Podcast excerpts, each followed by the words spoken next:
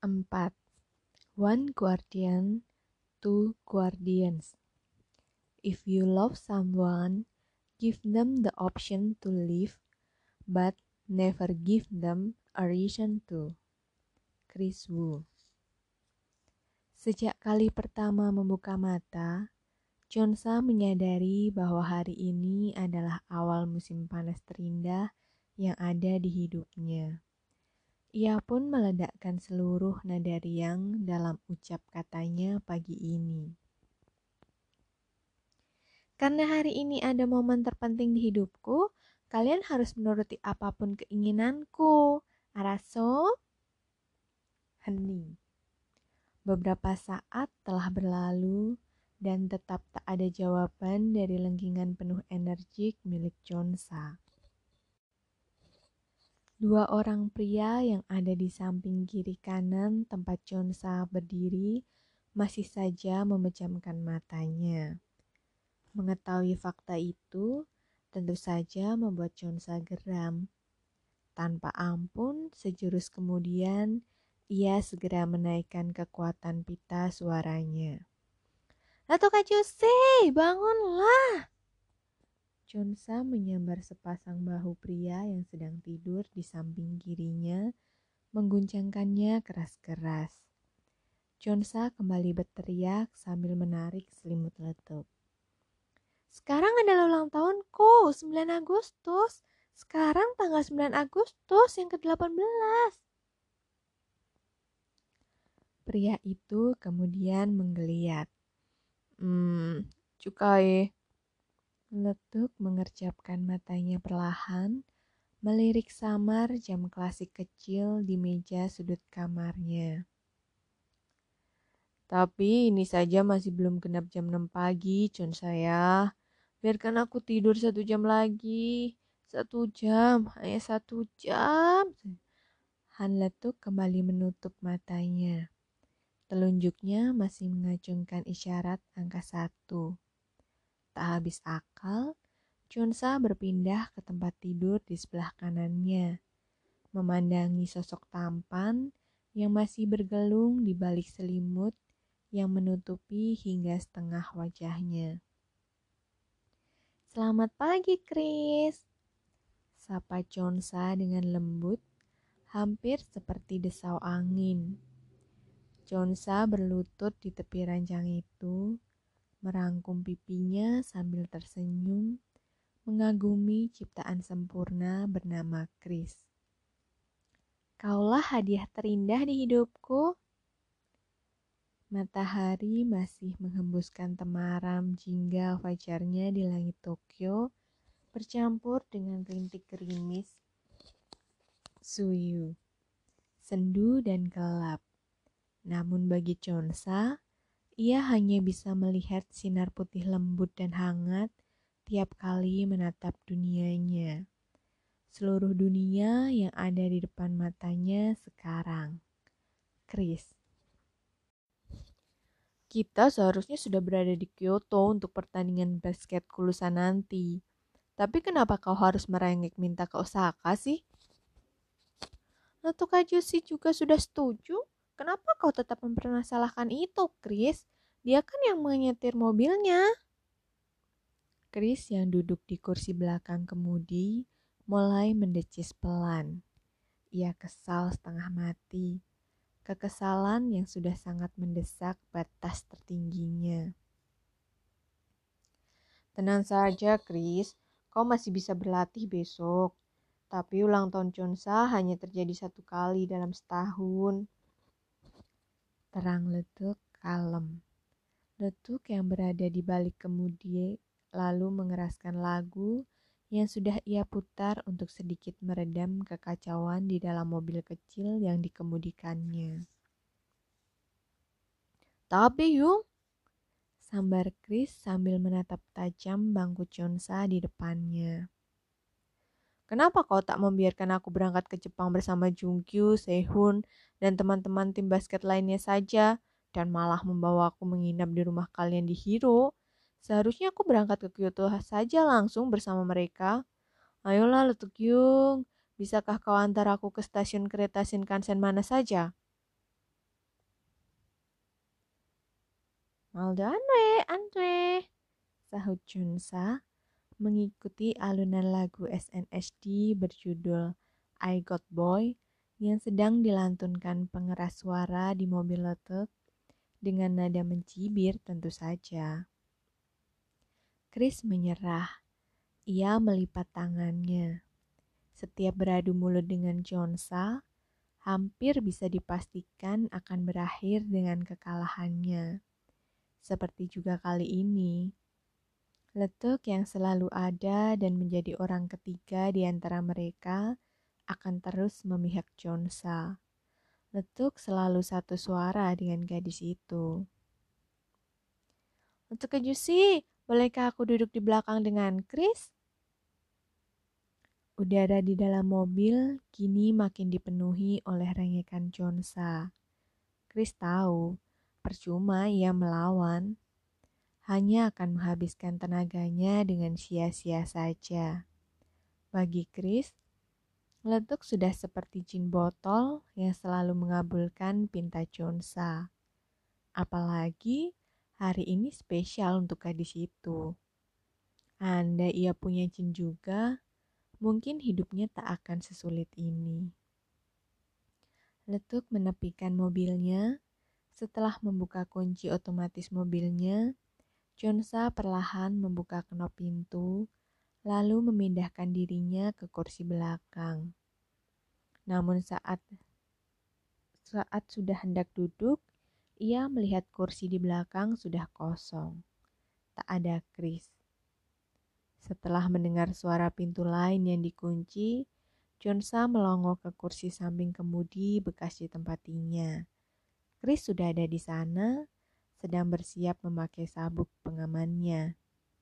Dengan santai, Chris menggerakkan kupluk hitamnya hingga menutupi telinganya, lalu memejamkan matanya, berlagak tidur. Kita harus bergegas kalau mau cepat sampai ke Osaka, Yung. Tambah Chris dengan santai. Jelas-jelas ingin mempermainkan Chonsa. Hei, kenapa kau pindah ke depan? Chonsa lalu keluar bertindak brutal. Ia membuka paksa pintu depan tempatnya duduk tadi dengan sekuat tenaganya sambil menghentak-hentakan kakinya di aspal yang masih basah bekas hujan tadi pagi. Chris, buka pintunya. Biarkan aku duduk di situ juga. Chris membuka matanya, lalu menurunkan kaca mobil di sampingnya sambil tetap menahan tombol pengunci pintu dengan jarinya yang besar-besar. Moldo Andre, Andre. Tukasnya kemudian melakukan kalimat yang sama dengan yang Chonsa tadi nyanyikan. Namun, ia melengkapinya dengan sebuah senyuman sinis yang langsung membakar dada Chonsa. Letuk aja sih! Tak kehabisan akal, Chonsa memutar menuju pintu di samping pamannya mengemudi, menjerit-jerit keras hingga tenggorokannya sakit. Biarkan aku yang menyetir AE86-mu. Kau masih kesal pada aku, Chris? Chonsa bertanya intens saat Letek sedang tak berada di sekitar dirinya dan Chris. Lebih tepatnya, Jonsa menyelinap keluar, mengekor Chris saat melihat pemuda itu keluar dari kamar hotel sendirian. Mereka kini sedang berada di kedai makanan pinggir jalan yang ada di kawasan Shinkis, Shinsekai, distrik pertokoan terkenal Osaka, setelah melewati dua jam perjalanan melelahkan dari prefektur Tokyo. Chris dan Chonsa sudah tak banyak mengurai kata beberapa bulan ini. Terlebih karena Chris sudah mendapatkan apartemen barunya dua hari setelah kejadian liburan di pantai dulu. Menurutmu? Akhirnya Chris menemukan pita suaranya kembali. Ia hanya melirik sekilas ke arah Chonsa yang sedang memonopoli takoyaki besar keenam berbalut saus tonkatsu lezat dalam mulutnya, pesanan yang harusnya menjadi kudapannya sejak 10 menit lalu, sambil terus menatap dirinya horizontal, tak pernah lepas mengintai manik mata miliknya. Chris jadi lebih sering memutar bola matanya sesekali. Ia mencoba tak ingin menatap langsung gadis itu terlalu lama. Setelah menyesap mochaccino bubble tea-nya hingga setengah habis, Chris lalu melanjutkan ucapannya. Kau sudah menanyakannya beratus kali, dan itulah yang membuatku melakukan sikap yang kau definisikan sebagai kata kesal. Chonsa mengerutkan kening, semakin mempertajam tatapan dan cepat-cepat mengaitkan ruang di salah jari Chris dengan jemari miliknya. Ikut aku, sekarang! Perintah Chonsa. Chonsa berdiri, menyeret tubuh besar lelaki yang masih bergeming dari kursinya. Tak berhasil, Chris menghentakkan tangannya dari cekalan Chonsa lalu berdiri tanpa kata, beranjak meninggalkan gadis itu, meski sebenarnya lebih memilih berandai melihat punggung Chonsa yang menjauh dari lingkar pandangannya duluan. Meski tak suka perpisahan dalam bentuk apa pun, Chris merasa ia harus menghindar. Ya, sekarang secepat yang ia bisa sebelum perasaan asing di hatinya itu semakin menguasainya. Chris! Jonsa memekik keras. Setidaknya biarkan hari ulang tahunku berakhir dengan indah. Aku menyukaimu. Ucap Jonsa yang sukses membuat Chris langsung menghentikan langkahnya saat itu juga dan berdiri dengan lutut sedikit goyah. Chonsa merasa dadanya diterpa angin badai yang menenteramkan. Semua beban di hatinya meringan. Ya, ia tak mau hanya berdiam diri menunggu momen yang tepat. Chonsa merasa bahwa ia sendirilah yang harus menciptakan momen itu. Dan sekaranglah waktunya. Aku Sahut Chris tanpa menoleh. Sedetik ia membuka mulut, seakan hendak mengucapkan sesuatu, tapi tidak jadi. Perlahan, Chris mendengar suara langkah kaki menyeret tumit yang paling jelas langkah pendek milik Jonsa di antara puluhan pasang langkah lain yang beradu di trotoar ramai Janjan Yokocho. Entah kenapa, kali ini ia merasa satu frekuensi dengan kalimat terakhir yang dikatakan Chonsa. Chris mulai Chris mulai merasa gentar. Kenapa sih orang selalu sulit dan lebih memilih menghindar ketika diajak berbicara tentang realita? Ada hal yang masih memberatkanku, John, tapi aku tak tahu apa itu. Tak usah dipikirkan, nanti kau juga akan menyukaiku, Chris. Jamin Chonsa penuh keyakinan. Berikan aku kesempatan, kencan satu hari saja. Mungkin? Ujar Chonsa saat sudah berdiri sejajar dengan Chris. Lalu ia mengapitkan kedua tangannya di lengan Chris. Chris terkesiap ada semacam buncahan elektris yang meletup di ruang dadanya. Jonsa, diakui Chris, telah berubah banyak satu bulan ini. Dan tanpa sadar, seperti udara hangat senja di pantai yang melenakan, ia menyukai Jonsa yang baru. Ini kaleng ke-20. Kau bisa mulai sekarang dari 20 kaleng, paling tidak kau harus bisa memasukkan setengahnya. Apa? Setengahnya? Chonsa merengut lalu melempar kaleng kosong yang tadinya berisi jus stroberi yang sudah diminumnya sampai tandas ke arah pelipis Chris. Tadi kau bilang hanya lima, ha? Jadi kau sengaja mematahkan hatiku secepat ini? Chris menangkap kaleng itu tepat sebelum menyentuh dadanya.